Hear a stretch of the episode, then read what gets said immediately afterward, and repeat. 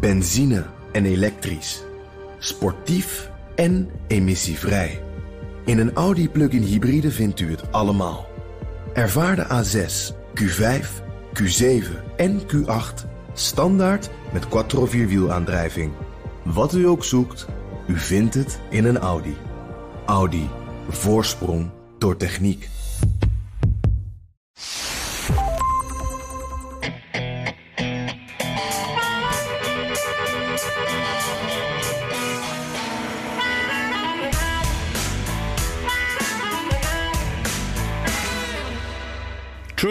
Blijft volhouden en zijn supporters ook.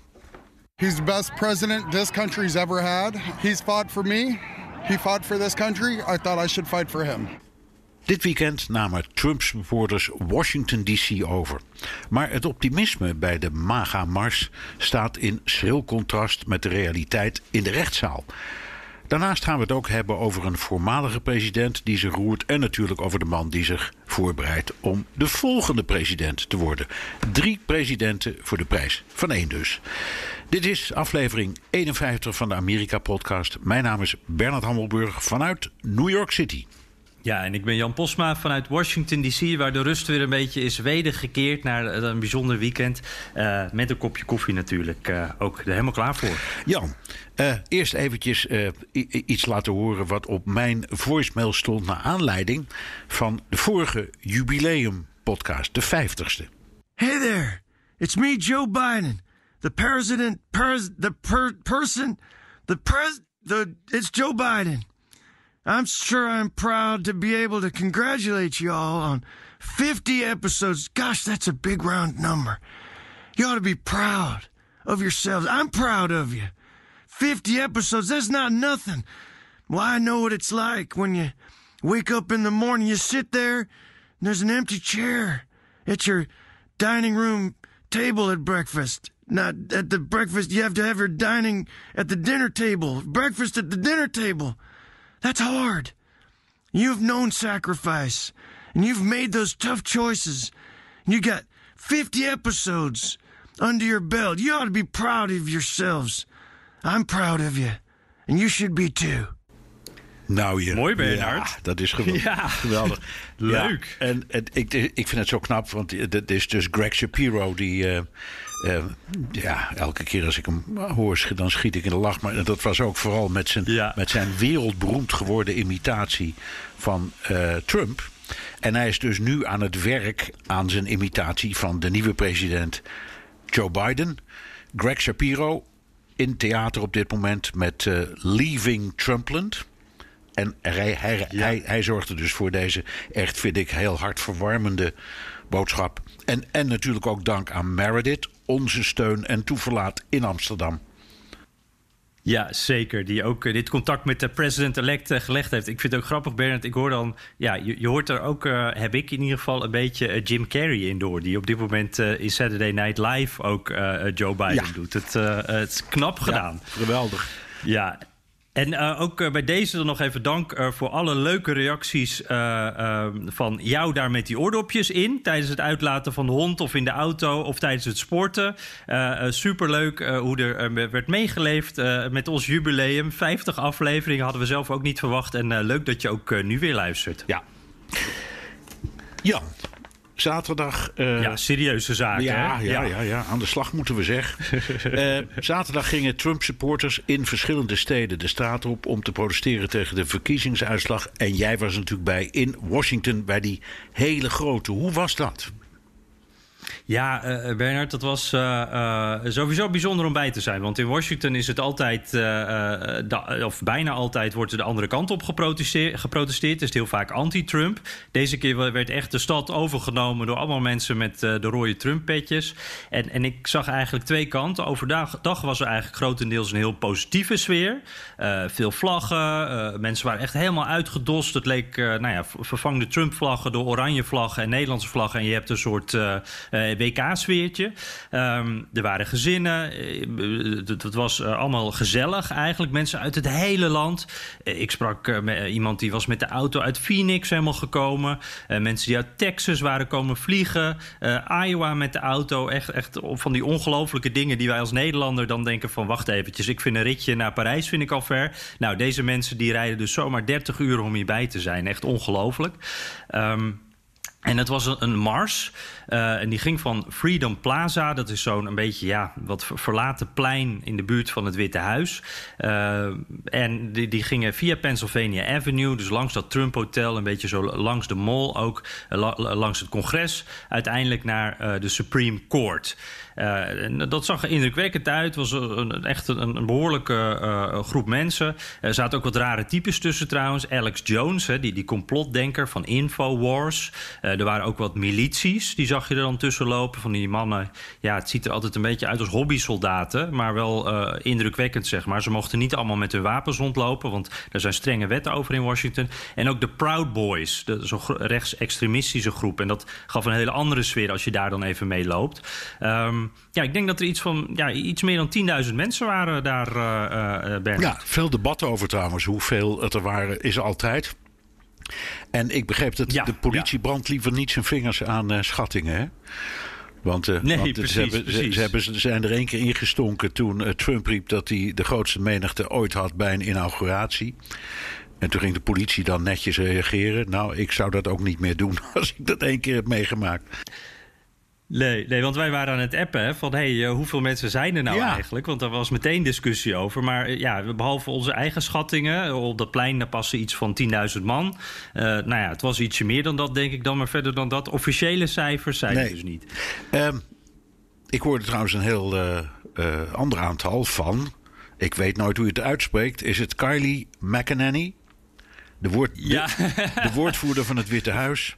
Die had het over Ja. een miljoen mensen die daar waren samengekomen. En ik moest onmiddellijk denken, Jan, aan die geweldige woordvoerder van Saddam Hussein destijds in Irak. Die tegenover de die voor de camera stond en een heel verhaal eh, hield over de heldhaftige overwinning eh, van Irak. Terwijl je achter zijn rug de Amerikaanse tanks voorbij zag rijden. Echt- Zoiets vind ik Ja, haar ja. verhaal nu ook wel hoor. Ehm, ehm, kijk, dat, dat, Ja. dat ze zegt. ehm, hij heeft, de president heeft niet verloren, maar gewonnen. Oké, dat begrijp ik nog. Maar dat je dit soort krankzinnige overdrijvingen gaat maken, dan neemt niemand je meer serieus. Toch? Nee, nee, precies. En zij begon als woordvoerder en toen zei ze van... ik ga niet tegen jullie liegen.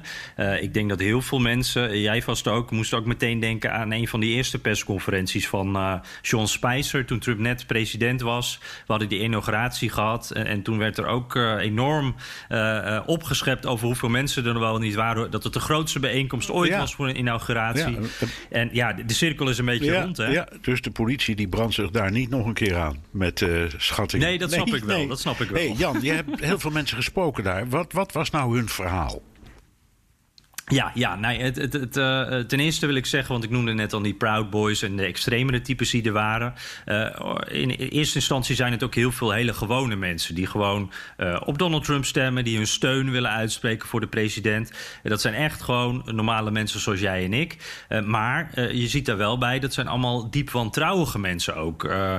Mensen die echt geloven dat, dat de Democraten de verkiezingen hebben gestolen. Die, die, die, die Trump ook echt geloven dat er echt grootschalige fraude is geweest. Dus eigenlijk ook de dingen die je op Fox News ook regelmatig op primetime voorbij ziet komen.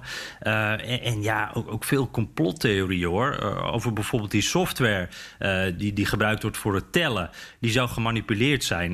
Nou, ik, ik heb er dus een paar mensen verzameld en die heb ik even achter elkaar gezet. Daar kan je nu even naar luisteren. They created this software to track the terrorists after 9/11. Uh, in, in 2009, Barack Obama and Hillary Clinton hijacked the software and politicized it so they could control elections. Everybody in America knows it. There's 73 million people to know it.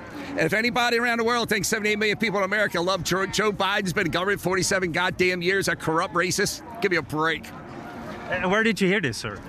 Uh, no, it's it's it's actually you, if you watch liberal TV, you won't see it. That's you know that's the problem with America. Our most important right is the right of free speech. I made the effort to vote, and I'm going to make the effort to fight to keep the vote. Because I don't think that it. Sorry, you don't go at 3 a.m. from Trump being ahead to Trump being way behind because somebody showed up with pallets full of ballots. You don't trust it. No. No. But, but then again, it's mail in ballots. We know that they were coming, so It wasn't mail-in ballots. All the ballots were filled out for one person only. They didn't, and they were all for they were all for Biden. There were. It was not like it was a mixed bag. So this was all for one person and not for anybody else on the ticket. Now they're having to go in and audit everything, count the votes, count the proper votes, uh, not votes for people's dogs and cats, and not votes for dead people. And they just got to count the legal votes, and whoever wins, wins. But I'm still out here supporting Donald J. Trump as my president. what would you say if the, the courts decide that this was a lawful election, that there were no problems? Well, do you think there, was no corruption in American in American voting? I think let, let the courts decide, but uh, Well, you know, yeah, but the Supreme Court's got to decide eventually. would you uh, trust the courts if they would decide it? Oh no, I wouldn't. I, I stopped trusting my government about 22 years ago. Uh, how come? Uh, Hillary Clinton, flat out. They're so goddamn corrupt. It's, it's sickening. It's sickening.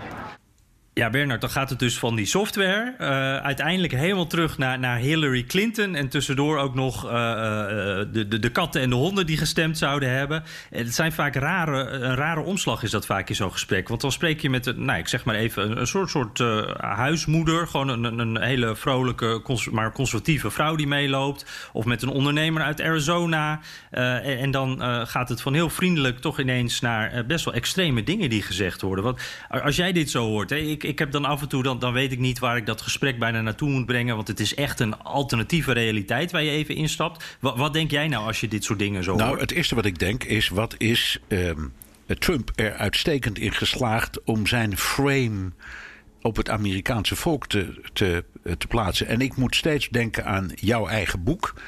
Ehm, en eh, het portret dat daarin staat van Steve Bannon, destijds zijn eh, belangrijkste adviseur.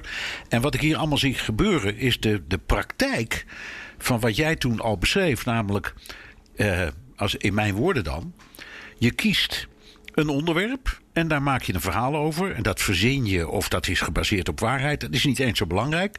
En wat er ook gebeurt, je blijft erop zitten. Dus het kan aan alle kanten worden ontkend. Het tegenbewijs kan worden geleverd. Het doet er niets toe. Eh, we, zitten daarop, we komen daar niet meer af. Laten het nooit meer los. En dat zie je in de praktijk. Plus, en dat, dat be- ja, dat besef ik de laatste dagen, nu ik er meer over lees. Ook steeds beter de enorme invloed van de sociale media. Of zoals je weet, die noem ik altijd de asociale media. Maar het is onge- ongelooflijk hoe de combinatie van die verzonnen verhalen en die complotten en de sociale media, hoe dat werkt. Nog steeds werkt. En ik ben ervan overtuigd, hè, net zoals destijds met de Birders, weet je wel, Obama die niet in Amerika was geboren. Ehm, Ja. Nou ja, en de- de- Trump was daar dan een van de voortrekkers van die theorie. Er zijn nog steeds mensen die dat geloven. En ik denk dat over de alle vier jaar die we nu tegemoet gaan met eh, Joe Biden. ehm, een groot deel van de Amerikanen zal denken dat die man ten onrechte in het Witte Huis zit en de verkiezingen heeft gestolen. Dus dat, dat is Ja. wat, wat ik er allemaal bij denk als ik het hoor. Ja, dat, dat laatste, daar ben ik het helemaal mee eens. Dat, denk, dat, dat, ja, dat gaat gewoon gebeuren. Dat is eigenlijk al gebeurd. Dit worden altijd de, de, de gestolen eh, verkiezingen voor, voor heel veel mensen. Voor miljoenen mensen. En wat jij zegt inderdaad, het, het blijft ook echt hangen. Want dat vond ik ook toch wel weer interessant hoor. Dat dan Hillary Clinton ineens weer voorbij komt. En wij doen wel eens een beetje lacherig van... eh, en ook terecht denk ik van... Nou, dan gaat het weer over Hillary Clinton. Die verkiezingen van 2016 die gaan nooit voorbij op deze manier. Maar die naam die komt dan toch weer vaak voorbij. Mensen houden zich daar wel echt... eh, eh, ja, blijven daaraan vasthouden. Dat, dat, dat, zoiets wat dan eh, in 2016 eh, maandenlang een onderwerp is geweest... dat komt dan nu nog steeds weer terug. En dat geldt voor heel veel dingen. En wat je zegt over social media... dan moet ik ook ineens denken aan wat anders wat die dag gebeurde. Ik stond daar op dat Freedom Plaza, dat plein... waar dus ook mensen aan het spreken waren.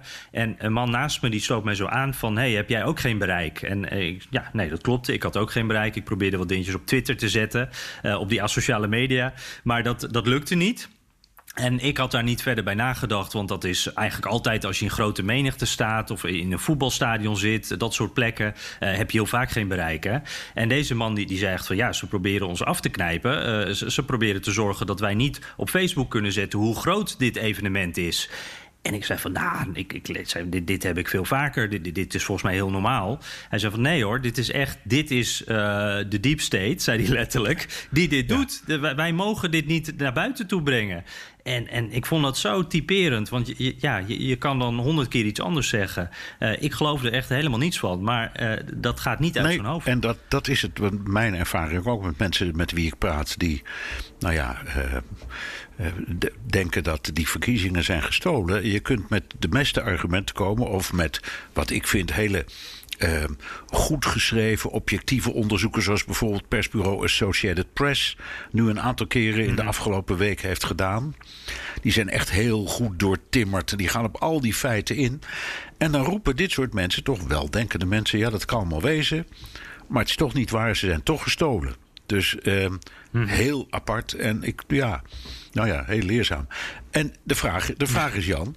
ehm, hoe, hoe krijgt Joe Biden deze geest weer in de fles? Of hoe, krijgt hij, hoe zorgt hij ervoor dat ja, ook dit soort mensen toch uiteindelijk ehm, onderdeel gaan uitmaken van die Amerikaanse samenleving?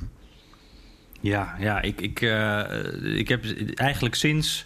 eh, pardon, sinds verkiezingsdag is dit al iets waar ik regelmatig aan terugdenk. Van ja, hoe moet dat? En ik, ik, ik, heb daar geen oplossing voor. Ik, ik hoor ook Obama, gaan we het later ook nog wel even over hebben. Daar hoor ik ook steeds toch dat optimisme nog van... ja, je moet die handreiking doen. Ik hoor het bij Biden, ik, ga die handreiking doen. Eh, ik, ik, deze mensen... Dit is natuurlijk niet een dwarsdoorsnede van, van alle Amerikanen... en zelfs niet van alle Republikeinen. Maar dit is wel een deel van de Republikeinen... en wel een mondig deel. En eh, eh, ik, er is volgens mij geen manier om deze mensen achter je te krijgen. Want je hoort het, de rechters moeten uitspraak doen. Maar als de dan uitspraak doet, dan vertrouwen we dat eigenlijk ook niet. Eh, het Hoge Rechtshof moet het dan doen, zeggen ze ook wel. Maar ja, de kans is best wel aanwezig dat het nooit bij het Hoge Rechtshof uitkomt. Dus dan blijft het voor hun toch altijd een soort open eh, wond. Eh, iets waar, waar, ja, een uitslag waar ze niet in geloven. En ook de dingen die ik weer over Joe Biden heb gehoord. Ehm, ja, je, je kent ook QAnon, hè? die, die, Ja. eh, eh, die complottheorie. Ja, nou, de, de- de, eh, beschuldigingen van pedofilie, beschuldigingen dat hij echt volledig in de zak van China zit. Het gaat echt behoorlijk ver, de dingen die geroepen worden. En dan kan je volgens mij nooit. Eh, ja, als mensen van zo ver moeten komen, dan kan je die volgens mij nooit meekrijgen. En het meest positieve wat ik dan nog hoorde was: ik hou me dan de komende vier jaar maar stil. En daarna dan eh, roer ik me Ja. wel weer. Ik denk, denk dat dat het hoogst bereikbaar is. maar- Wat, wat denk jij? Nou, ik denk, ik denk dat ook. Ehm, en dat is verontrustend, omdat. Kijk, eh, dit is altijd een land geweest van grote tegenstellingen, ook tussen de partijen. Maar als zoiets blijft doorsudderen in zulke fragiele omstandigheden als waarin dit land zich nu bevindt, met de pandemie en de economie. En de, handel, de handelsbetrekkingen die ze ontglippen omdat China nu bezig is met een heel nieuw handelsakkoord in Azië, waar Amerika achter het net vist. Er zijn grote kwesties en problemen. En dan moet je eigenlijk iets hebben van, van toch wat meer eenheid onder de bevolking. Eh, want dit is een gevaar van binnenuit. Dat is wat ik eigenlijk steeds maar denk. Dus eh, en dat vind ik storend. Ja, je komt niet eh, verder als land, hè? want ze, kijken, ze zijn alleen ruzie met elkaar aan het maken, die twee kanten. Eh, En, en dan ben je alleen met jezelf bezig. Terwijl je natuurlijk eigenlijk, eh, ja, wat jij ook zegt, Je moet naar buiten kijken, ja. En ook, ook oog hebben voor de wereld. En dat, dat, dat kan niet door een bril met frame. Dat zijn gewoon objectieve waarnemingen die je moet doen.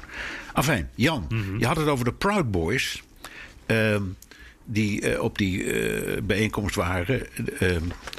Ik, ik zag beelden van eh, de Hitlergroet die werd gebracht. En allerlei van dat soort nou ja, uitingen. Ik denk dat dat de Proud Boys waren, maar ik was er niet en jij wel. Ja. Ehm, hoe werd daar nou op gereageerd?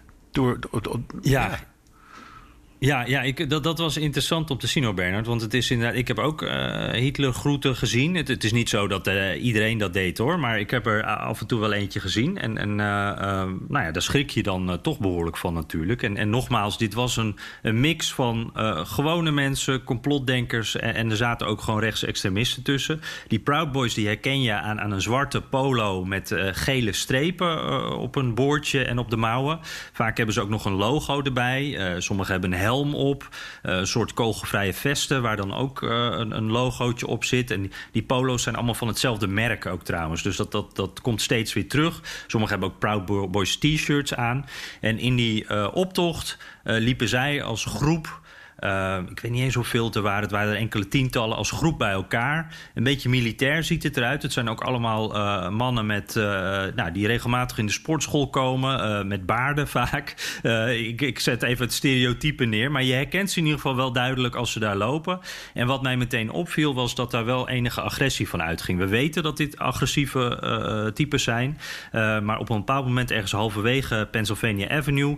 daar, was een, daar, daar is een fonteintje waar een, een zwart stelletje zat. Uh, uh, en ik heb niet het begin hiervan gezien, maar wel hoe het eindigde.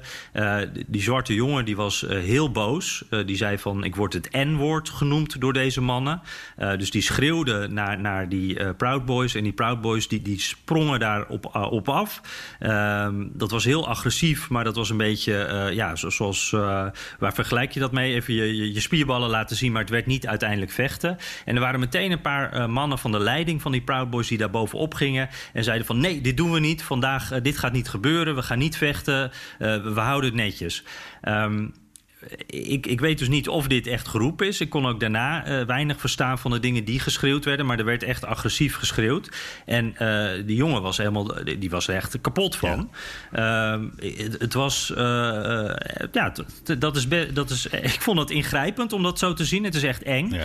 En later, toen we dus die hele mars, ik ben steeds naast die Proud Boys een beetje zo blijven hangen om te kijken wat daar allemaal gebeurde. Bij het Hoge Rechtshof, daar stond het al helemaal vol. En dat was bijna een beetje als bij de avonddriedaagse, dat je binnenkomt en uh, uh, daar, wordt, nou, daar wordt gejuicht. En toen die Proud Boys daar binnenkwamen, toen werd er echt hard gejuicht en geklapt. En zij begonnen een soort, uh, ja... Wat ze in Nieuw-Zeeland dan wel doen, zo'n HK-achtig iets. Ze gingen dingen roepen met z'n allen, met hun vuisten in de lucht. En daar werd echt flink met vlaggen gezwaaid en mensen waren enthousiast. Ik weet niet helemaal of iedereen door had dat dat de Proud Boys waren. Maar ze werden echt warm ontvangen. Uh, dus ja, het, het, het, het, zijn dus allerlei verschillende groepen door elkaar. Maar die mengden ook wel. En, en er was eh, wederzijds respect, zullen we maar ja. zeggen, tussen die groepen. Apart hoor. Ja. Uh, Jan, uh, ja. een ex-president die zich uh, deze week uitvoerig liet ja. horen. Barack Obama. Ehm, nieuw boek. Er is al heel veel ehm, over geschreven. Ehm, vertel, laten we het erover hebben. Ja, ja, ja ik, ik trouwens sowieso. Ik vond het grappig om te zien. Uh, je weet dan dat dat een PR-dingetje uh, wordt. Hè, dat iedereen daar aandacht voor gaat hebben. Maar uh, ik, dit circus, het, het verbaasde me toch alweer, Bernard. Hoeveel mensen hier over praten. Ja. En even een complimentje aan de collega's van Nieuwsuur. Want die, die, die, die hadden hem. Obama over ja. zijn nieuwe boek. Dus ja, heel goed. Toch? Ja, knap gedaan. Heel goed. Knap gedaan, ja. zeker. Ja, ik denk dat heel wat uh, mensen... Ik weet dat heel wat mensen daar jaloers op zijn.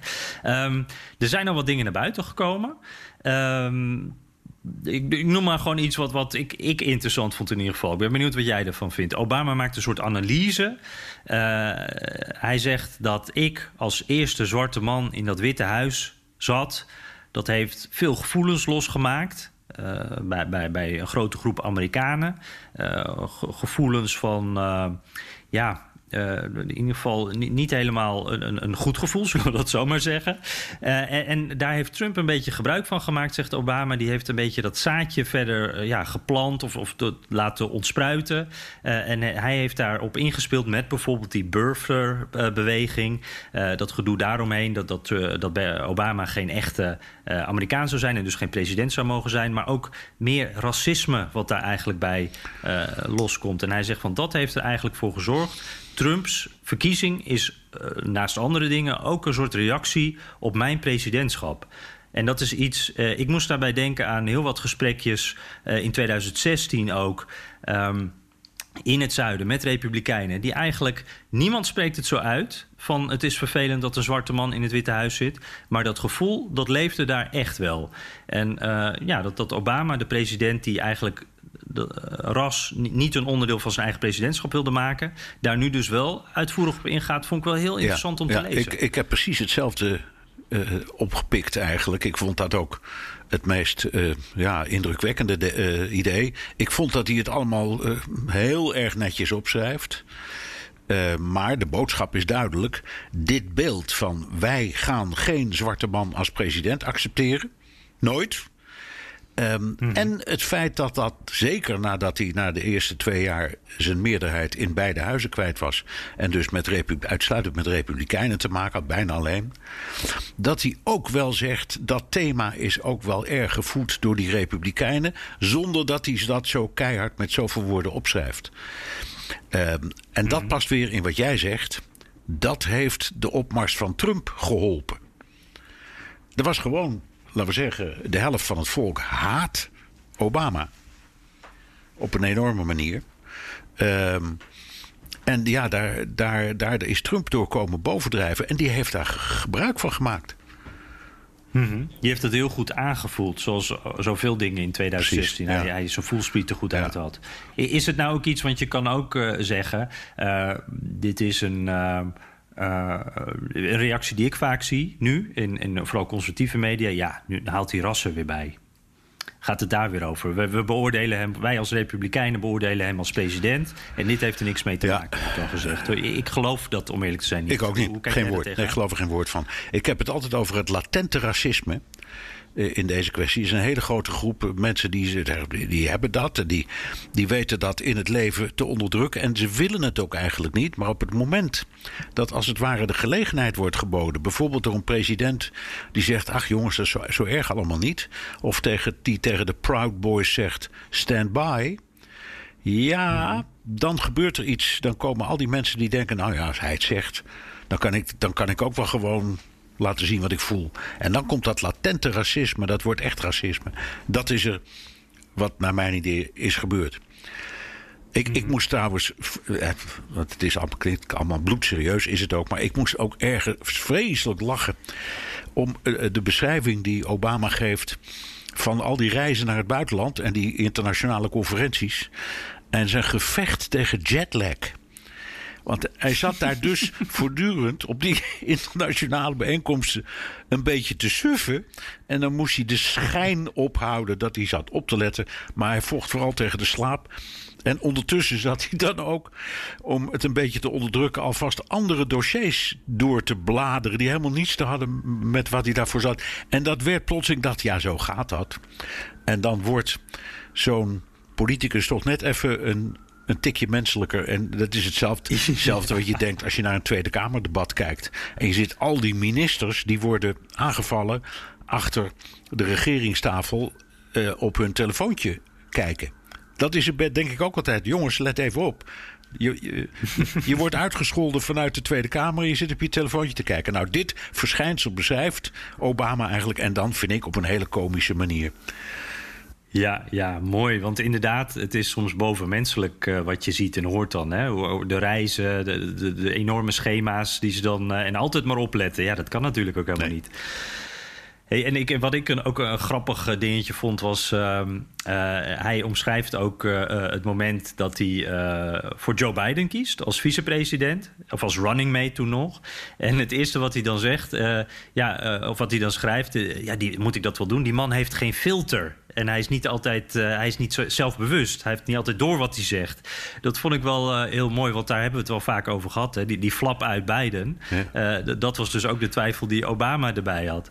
Ja, um, en um, ik, ik, vraag me af hoe dat al die jaren is gegaan. Want ze konden het goed vinden en Obama vertrouwde hem wel veel toe. Uh, dus hij, ja, al die zittingen in, in, uh, uh, over nationale veiligheid, weet je wel, in, in de Situation Room en zo, dat was allemaal voor een groot deel onder leiding van Biden. En toch mm -hmm. zie je hier bevestigd inderdaad wat wij tijdens de campagne steeds hebben gezien. En ook nu weer met de toespraakjes die hij houdt na zijn overwinning. Die staat hij duidelijk voor te lezen van een teleprompter. Ehm, En het, is, het heeft inderdaad iets van. Ja, precies zoals Obama het eigenlijk goed schrijft. Je, je moet hem heel goed eh, scripten en anders dan komt er van allerlei ongefilterde, ongefilterde onzin uit. Zo, zo wordt de huidige president ook wel eens omschreven. Ja, maar goed, dat is een, wat je dan noemt een loose cannon. Dus dat, dat, dat is een wat ander Ja. geval, ja. ja. En, en wat vond jij, ehm, eh, wat ik ook wel mooi vond, eh, hij, eh, we kennen Obama natuurlijk als heel bedachtzaam, eh, altijd aan het ana- analyseren, zijn omgeving, maar ook zijnzelf, eh, zichzelf. Hij, hij eh, schrijft ook over zijn twijfels, hè, hoe hij naar buiten toe yes we can eh, uitspreekt, maar intern ook denkt van ja, maar ben ik wel de juiste man op dit moment? Eh, ik weet nou niet of hij dit geschreven heeft of dat hij dit in een interview eh, deze week heeft gezegd, maar ook bijvoorbeeld dat moment dat die Nobelprijs naar hem toe kwam en hij dacht van wacht, waarom? In godsnaam, waarom? Die, dat enorme, die enorm hoge verwachtingen en daar dat dan waar moeten maken. En ook de vraag erbij van ben ik nou door mijn ego hier of gaat het om mijn Dat vond ik wel mooi dat hij daar wat over twijfelde. Vond je dat hij, eh, is hij genoeg kritisch naar zichzelf? Ehm, jawel, er zit een zekere bescheidenheid in. En bovendien, het beeld dat hij ook schetst is dat presidentschap... daar moet je ook weer niet al te veel van denken. Je wordt er een tijdje neergezet en dan ben je weer weg. En dat besef moet steeds bij je blijven. En in die tijd moet je er het beste van maken. Dat is ook trouwens een grote verwijt aan Trump... Dat hij zegt, ja man, of je nu vier jaar zit of acht jaar zit... op een bepaald moment moet je weer plaatsmaken voor een ander. Dus werk nou daaraan mee, dat is veel handiger. Dus het- hij heeft altijd een soort van, ja... eh, ik, misschien is het ook wel gewoon terechte bescheidenheid. En het is ook zelfkennis. Want je hebt het nu over, ja, zeggen de Yes We Can periode. Dat Yes We Can, dat was een tweedehands kreet die door eh, David Axelrod, zijn mannetjesmaker, was ja. bedacht. Want die, die, die kreet was daarvoor al gebruikt bij verkiezingen in Massachusetts voor een gouverneur. Ook door David Axelrod. ja, ja, dus dat was opgepoetst en weer opnieuw gebruikt. Net zoals America First trouwens niet nieuw is, maar goed. Ehm, en dat, dat vond ik al tekenend. Dat, dat Obama ging aan de slag met een tweedehands kreet. En dat is een Ja. beetje, dat, dat tekent hem ook wel een beetje hoor. Ja, op, op- hoe bedoel je dat? Op wat voor Nou ja, dat hij, dat hij zegt van ja, ik, ik, ik probeer het maar. Ik weet niet of, of ik dit kan. Ik weet ook niet of ik het allemaal zelf kan bedenken. Ehm, ik ben maar heel kort senator geweest. Eh, ik, ik ben nog niet zoveel. Ehm, ik wil het wel, maar wil ik het ook wel echt? Ik weet niet hoeveel jij je van de campagne van Obama herinnert destijds.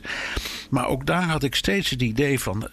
het klinkt allemaal mooi en hij ziet er leuk uit... en het is een aangename man, maar inhoudelijk had het allemaal niet zoveel om de hakken. En dat is eigenlijk een beetje zo gebleven. Ja, het bleef inderdaad draaien om eh, inspiratie. Ja. En, en niet zozeer om wat daarachter stak.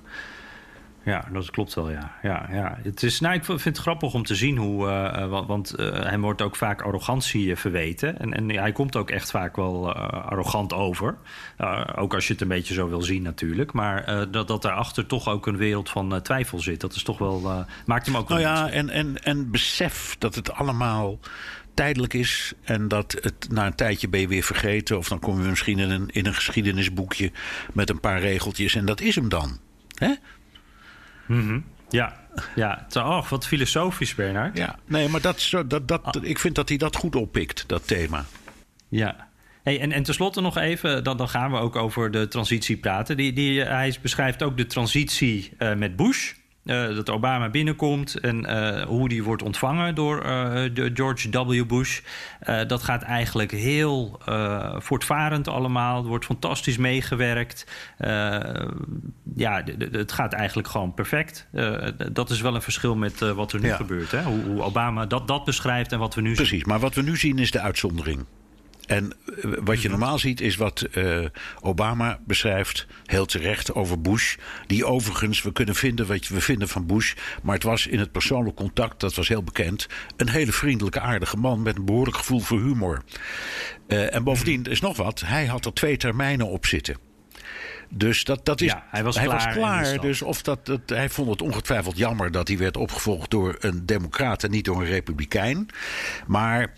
Eh, dat kon, daar kon hij dan wel mee leven. En hij moest sowieso weg. En het was bovendien, het is iemand, laten we nou eerlijk wezen, die komt wat dat betreft wel met de juiste papieren. eh, uit deze familie Bush. Uh, zijn vader had het meegemaakt. Die had het overgenomen van Reagan. En is daarna, na één termijn, over, ook verslagen. En heeft het naar het verluid op voortreffelijke wijze overgedragen aan Bill Clinton. En die oude Bush en Clinton zijn daarna ook goede vrienden geworden. Dus ja, dit is de traditie zoals het in Amerika hoort. En wat we nu zien is echt een aberratie in alle opzichten. Mm Ja, dit is niet hoe het normaal Nee. gaat. Nee, nee, nee. Ehm, misschien moeten we daar eens eh, even wat uitvoeriger over gaan hebben. Eh, met eh, natuurlijk de kanttekening dat op het moment dat wij dit uitspreken... kan alles alweer zo'n beetje veranderd zijn. Want er is veel gaande op dit moment. Maar Bernard, met die rechtszaken, waar, waar staan we nu? Want we horen de hele tijd allemaal nieuwe rechtszaken overal. Ehm, leeft dat nou nog wat op voor Trump? Tot nu toe niet. Eigenlijk de belangrijkste ontwikkeling vind ik Pennsylvania. Want daar, daar had hij heel veel, had hij echt zijn hoop op gezet dat hij daar een vuist kon maken.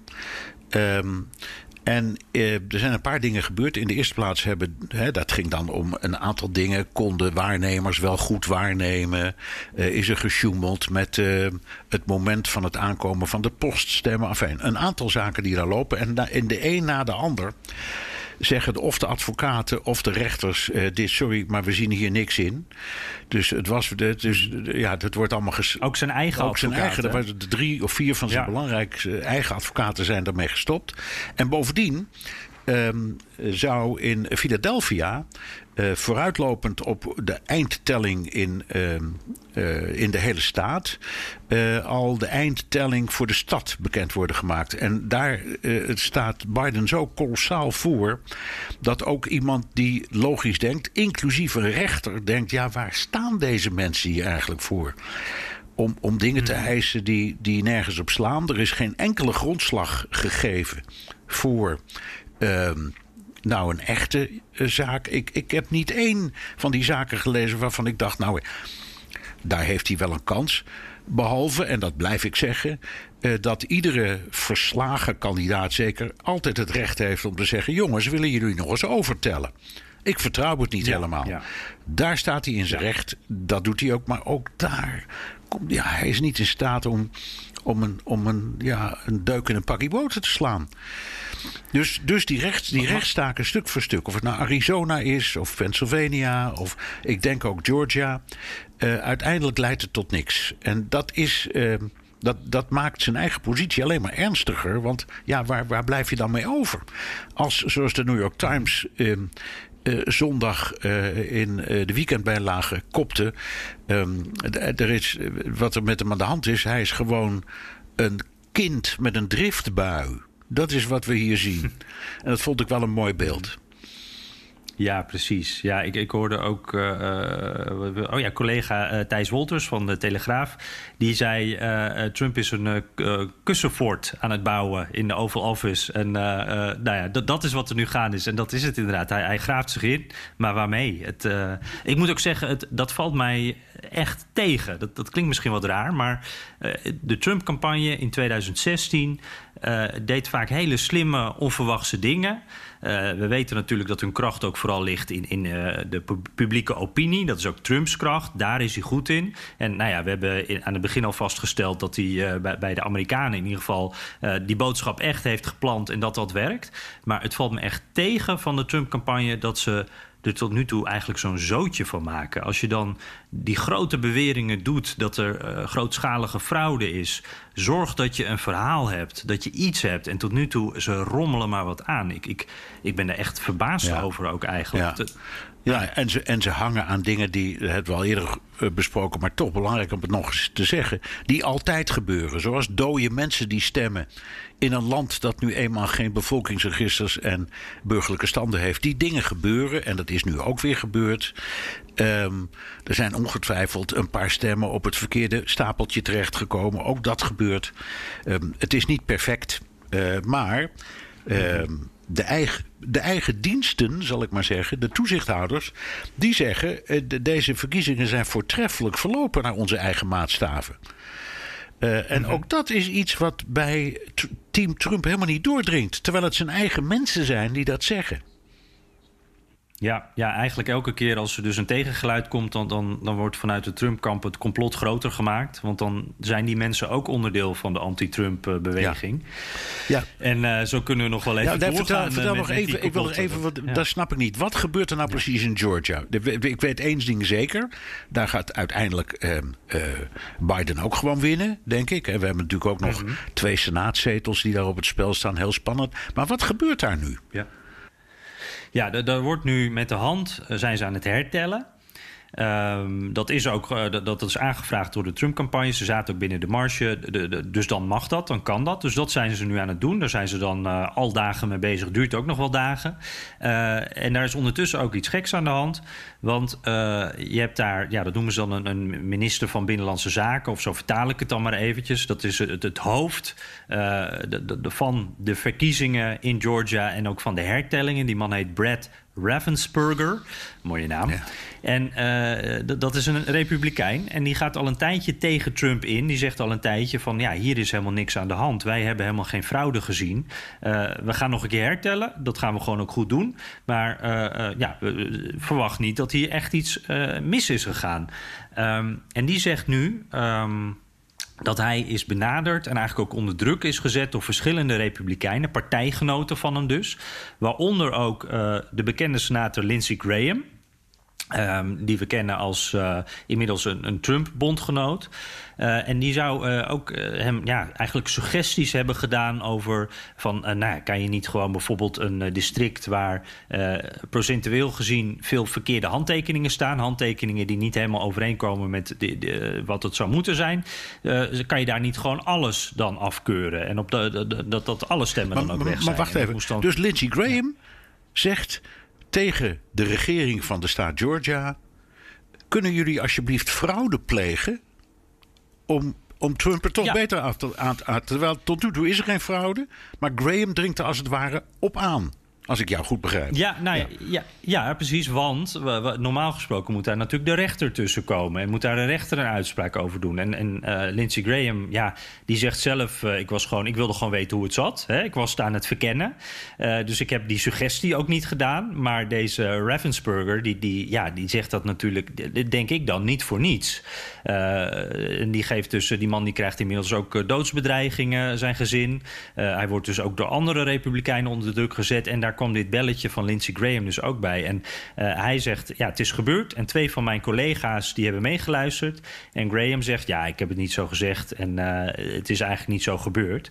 Eh, maar ja, het, het, het, het is denk ik toch wel veelzeggend, Bernard, wat daar Nou. gebeurt als je dit zo hoort. Er wordt echt enorme druk Ja, uit. terwijl dat begrijp ik dan ook niet van Graham. Het maakt uiteindelijk niet meer uit. Althans niet voor de, voor de presidentsverkiezingen. De senaatsverkiezingen is wat anders. Dus dat moeten we nog zien. Maar goed, die gaan over begin januari. Jan, hoe, Ja, hoe zit het met Joseph Biden? Ja, ik vind het altijd zo mooi. De New York Times die begint altijd die, die artikelen dan met Joseph R. Biden Jr., de, de former vice president. En dan heb je al een hele regel gevuld.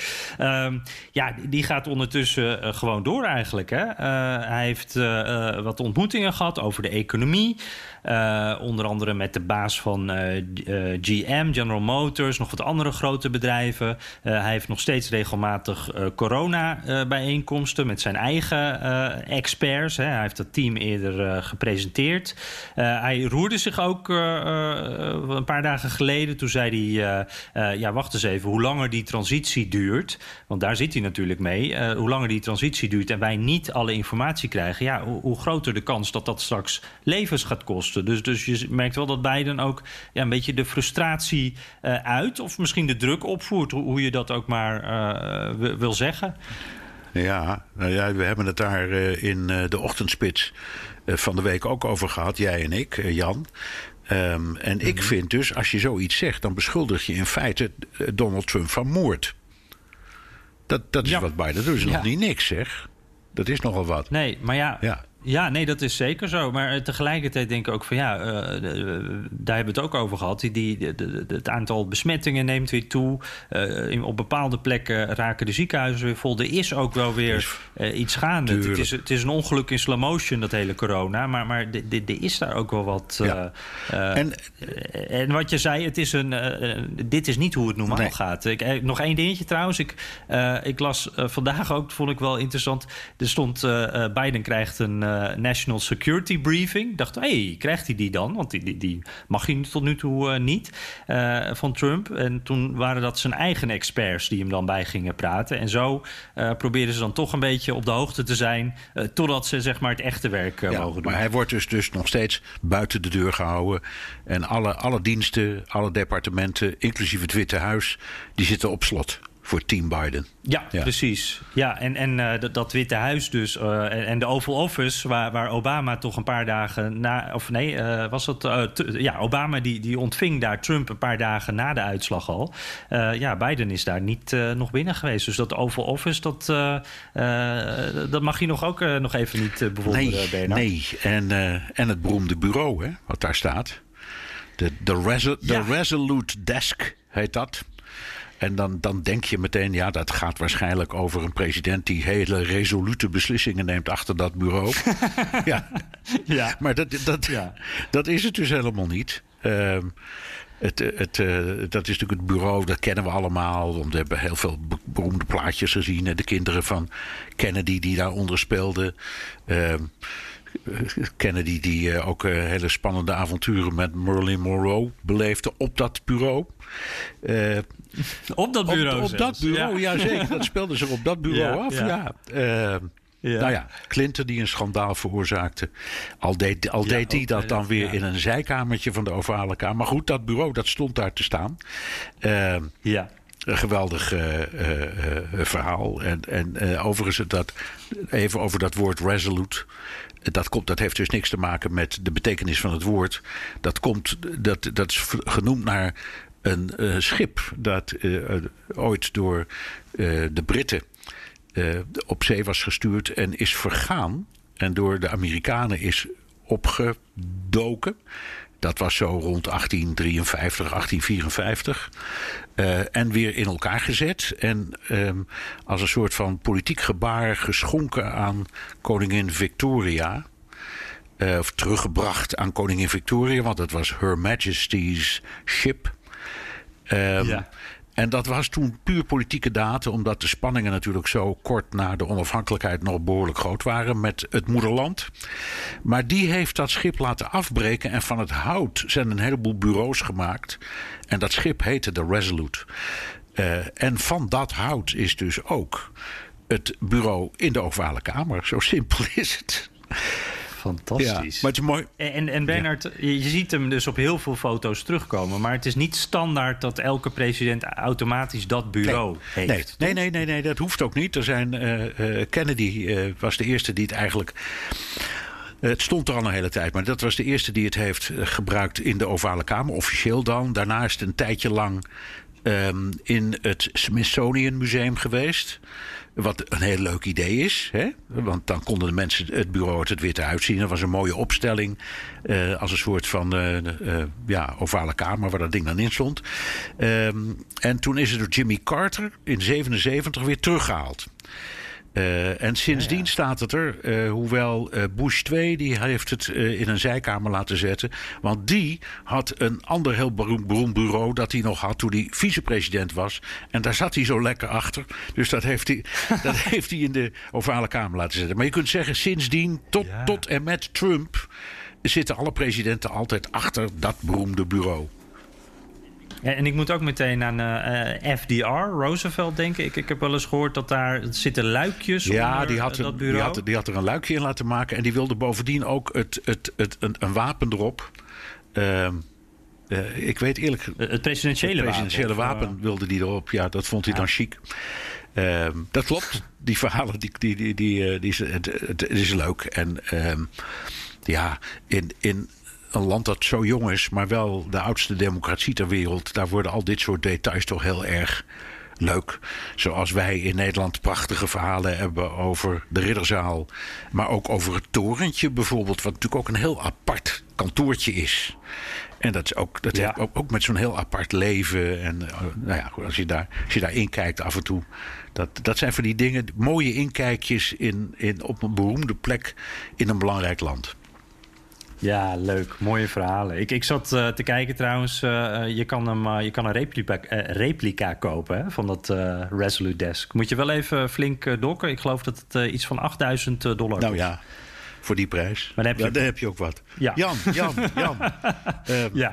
het wordt al laat. Zullen wij naar de luisteraars vragen? Ja, zeker. De, de bodem is in zicht van de koffie. Dus ja, het waren er weer een heleboel. Dus eh, dank daarvoor allemaal. We beginnen met eh, Jacco.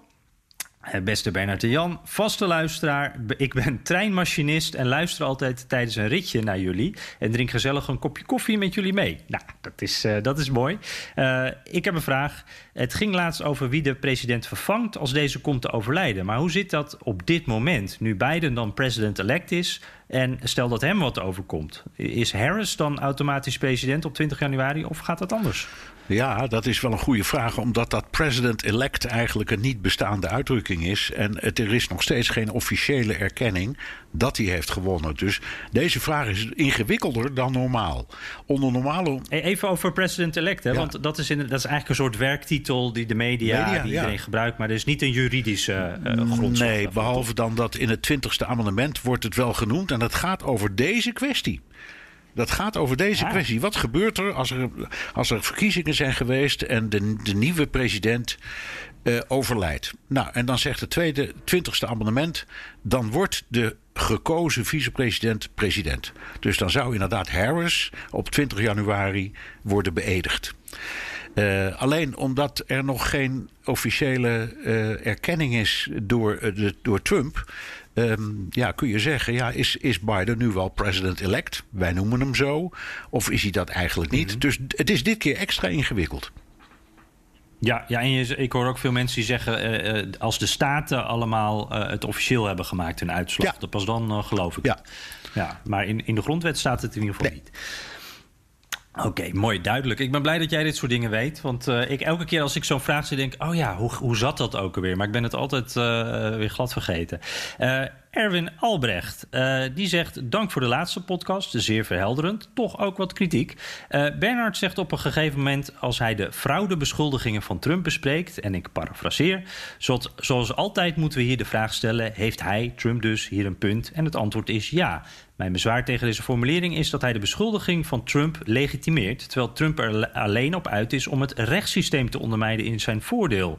Eh, nou, hij zegt dan nog even, ik parafraseer nu eventjes, er, zitten, er zijn altijd wel dingen eh, eh, die verkeerd gaan, maar eh, Trump die, die liegt zoveel, ja, daar moet je niet in meegaan. dat zegt hij eigenlijk. Ja, nou ja, wij, wij zeggen in feite hetzelfde. maar Alleen, ik, wij blijven journalisten. Dus we, kijken altijd naar feiten en omstandigheden. En we hadden het er net ook al over. Er zijn dingen die Trump eh, rechtens kan eisen, vragen, proberen en zeggen. En inderdaad, hij, hij komt met allerlei beschuldigingen waar geen bewijs voor is. Eh, en dat kun je leugens noemen en dat, dat, dat, dat vind ik allemaal prima. Maar dat is niet waar het ons om gaat.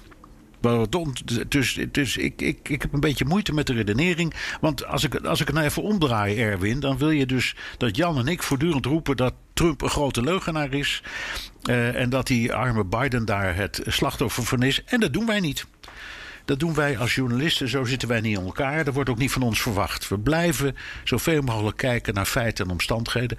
En ook Trump heeft punten. Het is gewoon waar. Ja, ja, nee, maar we benoemen natuurlijk wel als Trump liegt. Natuurlijk, natuurlijk. Er is geen bewijs, Natuurlijk. maar er zijn incidenten. Natuurlijk. Dat, dat is eigenlijk wat je Natuurlijk, zegt, ja. toch? Maar dan zegt eh, Erwin van... eh, ik vind dat de journalist als hoeder van de democratie... daar meer afstand van moet nemen. Het gaat mij er niet eens zozeer om, of, eh, om Trump of de Republikeinen... maar dit is een aanval op de rechtsstaat en dan wordt het wat Ja, anders. Dat, eh, dat eh, heeft het volste recht om dat eh, te vinden. Ik vind dat. ehm, ik weet niet of wij de, de wakers zijn van ehm, de vrijheid en de democratie. Wat we wel zijn, dat is zo. Wij zijn waarheidszoekers. Ehm, zoals een rechtbank dat ook doet. Uh, alleen, wij, ik vind dat wij niet tot veroordeling overgaan. Dat moeten luisteraars, kijkers en lezers zelf maar uitmaken. Dus we wijzen op dingen en we zeggen: dit klopt niet en dat is een leugen en dit is, hier is geen bewijs voor. Maar voor uh, wat, net, wat je het net al vertelde, de hertelling in Georgia is volkomen binnen het recht van wat Trump wil. En dat gebeurt ook. Mm -hmm. Ja. Nou, uh, duidelijk. Uh, hij had ook nog een klein verzoekje. Geef me even een teken van leven, bij deze dus. Ik heb namelijk de indruk dat Jan mijn tweets op mute heeft gezet. Dat mag natuurlijk, maar uh, dan kan ik ook ophouden met vragen stellen, zegt hij met niet zoveel woorden. Erwin, ik heb je niet op mute staan. Ik zal het even uitleggen, want wel meer mensen hebben geen antwoord gehad voor mij de laatste tijd. Excuses daarvoor. Het was gewoon echt super druk de laatste tijd. En het is een beetje, nou ja, de verkiezingsweek zelf is natuurlijk gekte. En daarna is het eigenlijk zo doorgegaan. Dus je moet je voorstellen, mijn bureau uh, en mijn keukentafel ook, dat is namelijk hetzelfde, die liggen helemaal vol met papieren en, en uh, lege batterijen van de microfoon en plopkappen. En het is een zootje. Ik ben nog steeds een beetje aan het uh, bijwerken. en ja, binnenkort krijgen jullie allemaal gewoon weer antwoord. Maar het was gewoon eventjes wat te druk. Um, en wel dank voor je vraag natuurlijk, Erwin, want we lezen ze wel allemaal hoor. Um, dan nog twee vragen die met elkaar te maken hebben. Uh, eerst even Michiel uh, Ronk. Volgens de stem heeft Biden ruim 270 kiesmannen gehaald. Deze kiesmannen moeten uiterlijk in december een nieuwe president kiezen. Maar zijn zij volkomen vrij in wat zij kiezen? Hoe zorgt elke staat ervoor dat de afgevaardigde kiesmannen ook kiezen zoals het volk heeft gestemd? Ja, dat is ja. een ingewikkelde. Uh, de, de, kiesmannen zijn er in principe gehouden uh, aan het stemmen voor de kandidaat waarvoor die zij vertegenwoordigen. Dus uh, Trump-kiesmannen moeten op Trump stemmen en Biden-kiesmannen op Biden. Uh, er zijn volgens mij ook wel rechtszaken. Er zijn ook wel rechtszaken over geweest, maar het verschilt per staat. En dat maakt het zo ingewikkeld. Het samenstellen en mm -hmm. benoemen ervan dat verschilt per staat. Uh, soms gebeurt dat door de staatsparlementen, soms door de gouverneur. Het is overal een beetje anders. In sommige staten heb je twee sets kiesmannen. Dus het, ja, die hebben dus gewoon alles dubbel. Zodat, ik geloof, de gouverneur uiteindelijk kan zeggen: we nemen deze set in deze omstandigheden. Dus het is een hele moeilijke. Oh. Maar uh, het kortste antwoord is: ze moeten, ze moeten stemmen volgens de richtlijnen van de verkiezingen. Uh, ze kunnen niet plotseling zeggen: nou, we gaan eens iets heel anders doen. Nee, nee, nee. Je kan niet uh, even op je eigen houtje beslissen: ik doe het anders. Zo is het. Dat, dat, dat, in het verlengde daarvan, Niels Mulders die, die vraagt uh, uit Den Haag...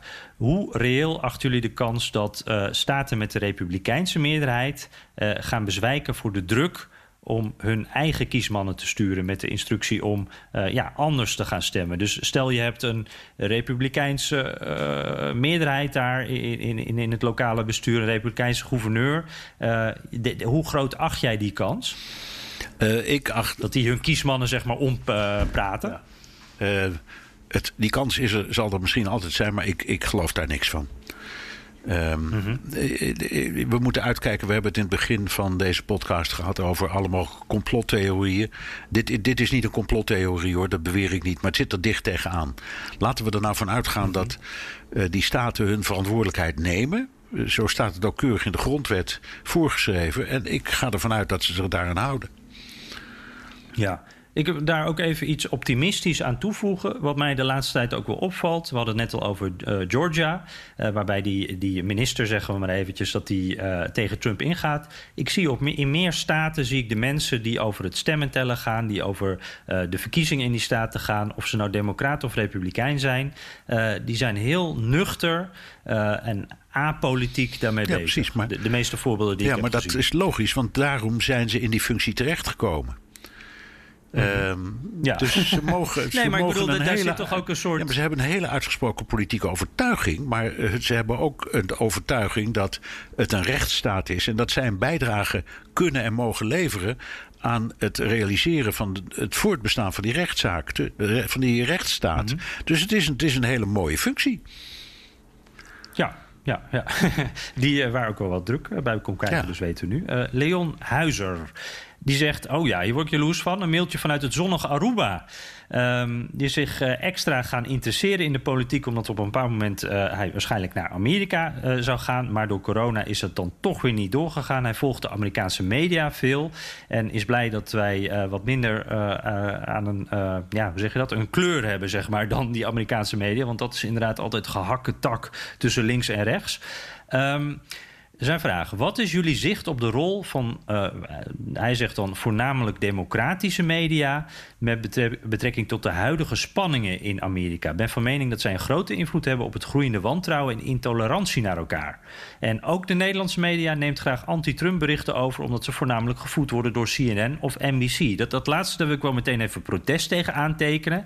Uh, ik zie ook bij al mijn collega's hier in de VS, die kijken echt wel wat verder dan CNN. Die gaan allemaal zelf het land in die praten met mensen, uh, die, volgen een breed scala aan media. Dus ik, ik heb het gevoel dat in Nederland dat gevoel ook vaak een beetje leeft, omdat CNN natuurlijk ook in Nederland goed te krijgen is. Maar echt wel hoor, hier wordt echt wel verder gekeken dan alleen uh, wat uh, Wolf Blitzer zegt. Ja, dat, zo is het. En je kunt er ook aan toevoegen.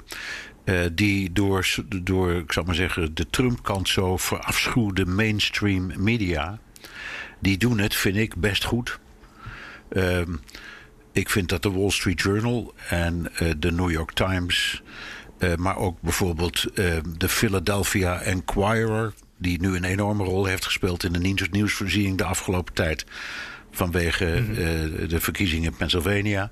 Dat zijn allemaal goede media hoor, die ik met plezier lees en waar goede stukken in staan en die de zaak echt van alle kanten bekijken. En ja, ze hebben vaak een kleurtje, dat is bij ons ook zo. Uh, de Volkskrant is wat progressiever van uh, aard dan de Telegraaf. Maar voor het grote, belangrijke nieuws kun je in allebei die kranten goed terecht. En vind je in het algemeen de feiten uh, best mooi op een rijtje staan. Dus, dus mm -hmm. zo moet je het zien. Uh, en je moet ook, vind ik, als nieuwsconsument altijd goed nadenken: wat lees ik, hoe lees ik. Uh, lees ik meer dan één krant, wat ik iedereen zou kunnen aanbevelen. Luister ik naar meer dan één radiostation, wat ik iedereen moet afraden.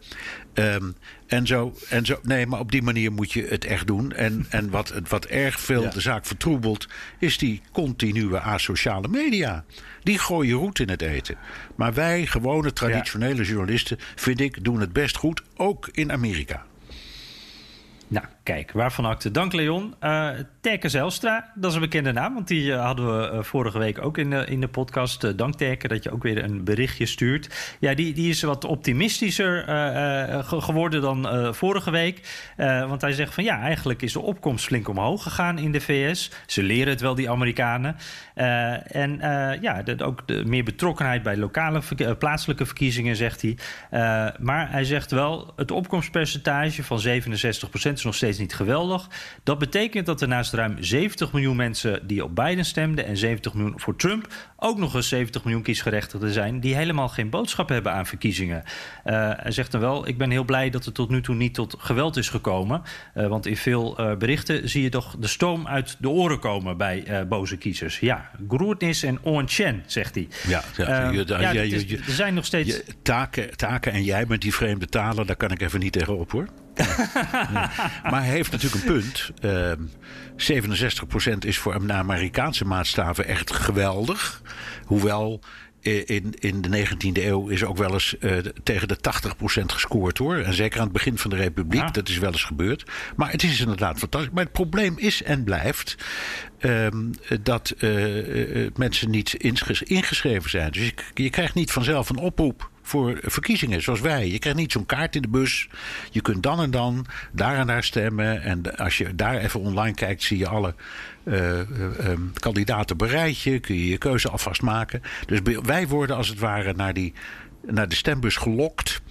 Uh, en dus, en dus ja. zouden wij 67% bij Tweede Kamerverkiezingen zouden wij aan de magere kant vinden. Uh, maar je moet het zien ja. in de context. En uh, Amerikanen vinden ook vaak. Heel veel Amerikanen vinden dat die, al die politiek onzin. En die willen dus ook helemaal niet stemmen. Nou, dat recht hebben ze ook. Ja, zeker. En, en ik val nu misschien een beetje in herhaling. Weet ik eigenlijk niet of ik dit al eerder had gezegd. Maar uh, stel dat, uh, om, om maar eens Friesland als voorbeeld te noemen. Stel dat die staat, of uh, ja, die provincie, die staat. dat duidelijk voor één partij zou zijn. Dat is het altijd. Dat verandert nooit. Ja, en jij bent net van een andere partij. En je weet dus dat jouw stem niet uitmaakt. Dat is ook voor heel veel mensen zo. En dan, ja, dan blijf je thuis. Ja. Dat nou, ja, vind ik heel goed dat je zegt. Want hier in New York bijvoorbeeld, maar ook in Californië speelt dat enorm. Dat zijn staten waarvan de uitkomst vaststaat. Uh, In Californië wonen 45 miljoen mensen. Maar, en de uitslag staat al vast. Het is democratisch. Dus ja, als daar, als daar 15 of 20 miljoen gewoon niet gaan. Ja, dat snappen we best. Want ze hebben geen enkele invloed op ja. de uitkomst. Nee, precies. En soms kan dat ineens veranderen, zoals in uh, Georgia uh, hebben we gezien. Zo. Nou, uh, dank u wel, Terke. Henk Willem Olivier. Met veel plezier luister ik elke week, meestal vanuit de auto, maar nu, nu, toch vaak ook terwijl ik mijn jongste dochter eten geef. Nou, eet smakelijk dan aan jouw dochter, Henk Willem. met veel verbazing lees ik vandaag weer dat Trump informatie achterhoudt over binnenlandse veiligheid en de coronacrisis, zodat beide niet verder kan in hoeverre kan Trump ongestraft zo doorgaan? Want brengt hij uh, nu niet de uh, veiligheid van de bevolking in gevaar? Dat is eigenlijk wat Biden dus ook uh, eerder zei. Kan je, wat kunnen ze nou uiteindelijk doen hier tegen Niets. Um, ik heb wel gehoord dat ze denken om naar de rechter jawel, te maar dat, ik denk dat... Kijk, dat, dat zou dan... Ik weet ook niet wat voor soort zaak. Maar het zou een civiele zaak worden tussen twee politici. Um, mm -hmm. Of, of je moet aangifte doen, hè? Maar, maar er is geen wetsartikel op grond waarvan je een strafzaak van kan maken. Dus ja, ga je gang, zou ik zeggen. Uh, en het is, het, het is een morele plicht. Het is een gewoonte. Het staat ook beschreven in de grondwet dat er een ordentelijke overdracht uh, wordt verwacht. Dus het staat er allemaal wel in.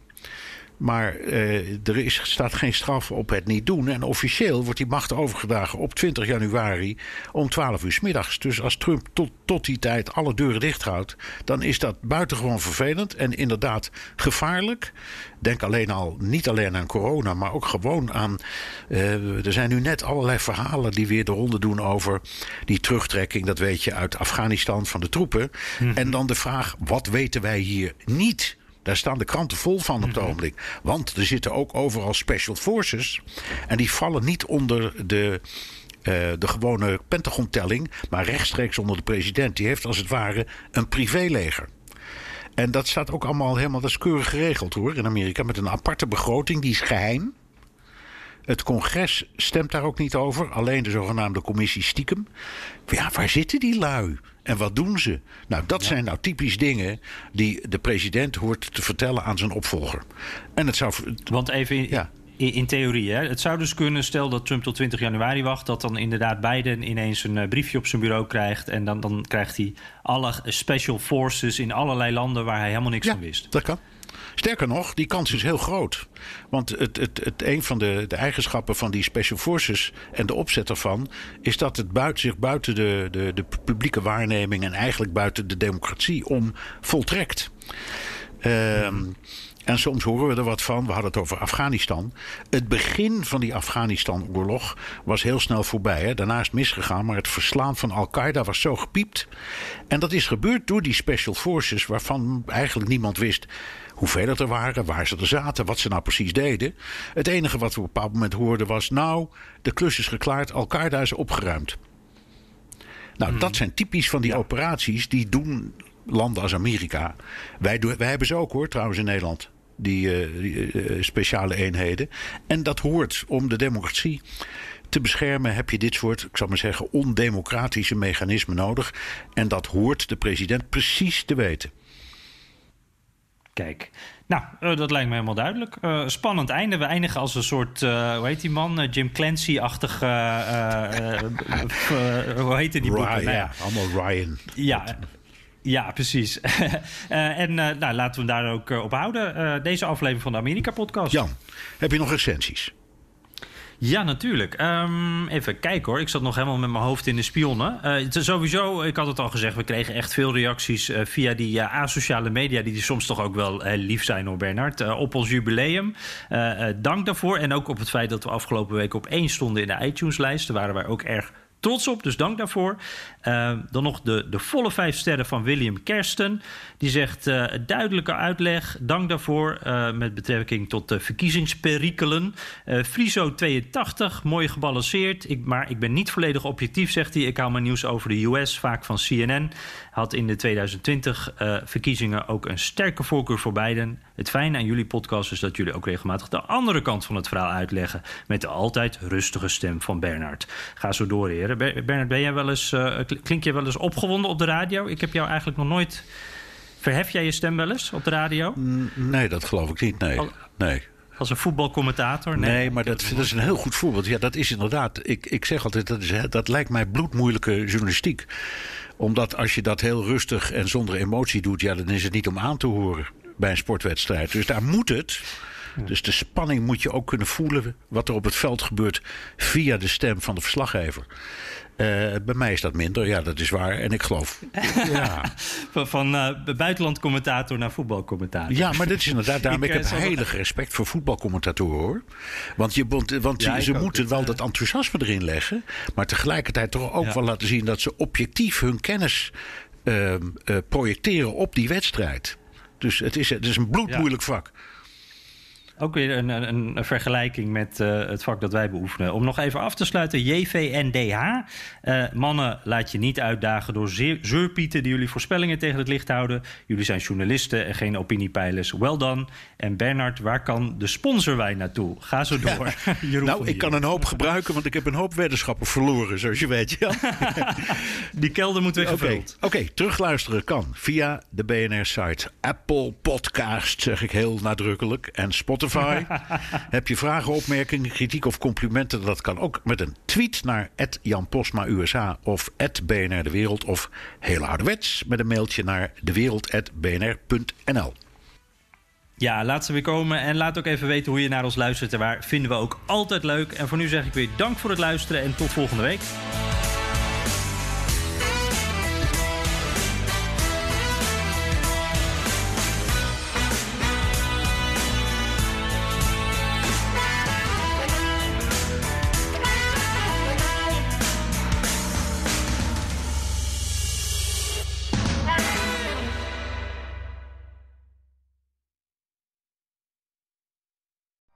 Benzine en elektrisch.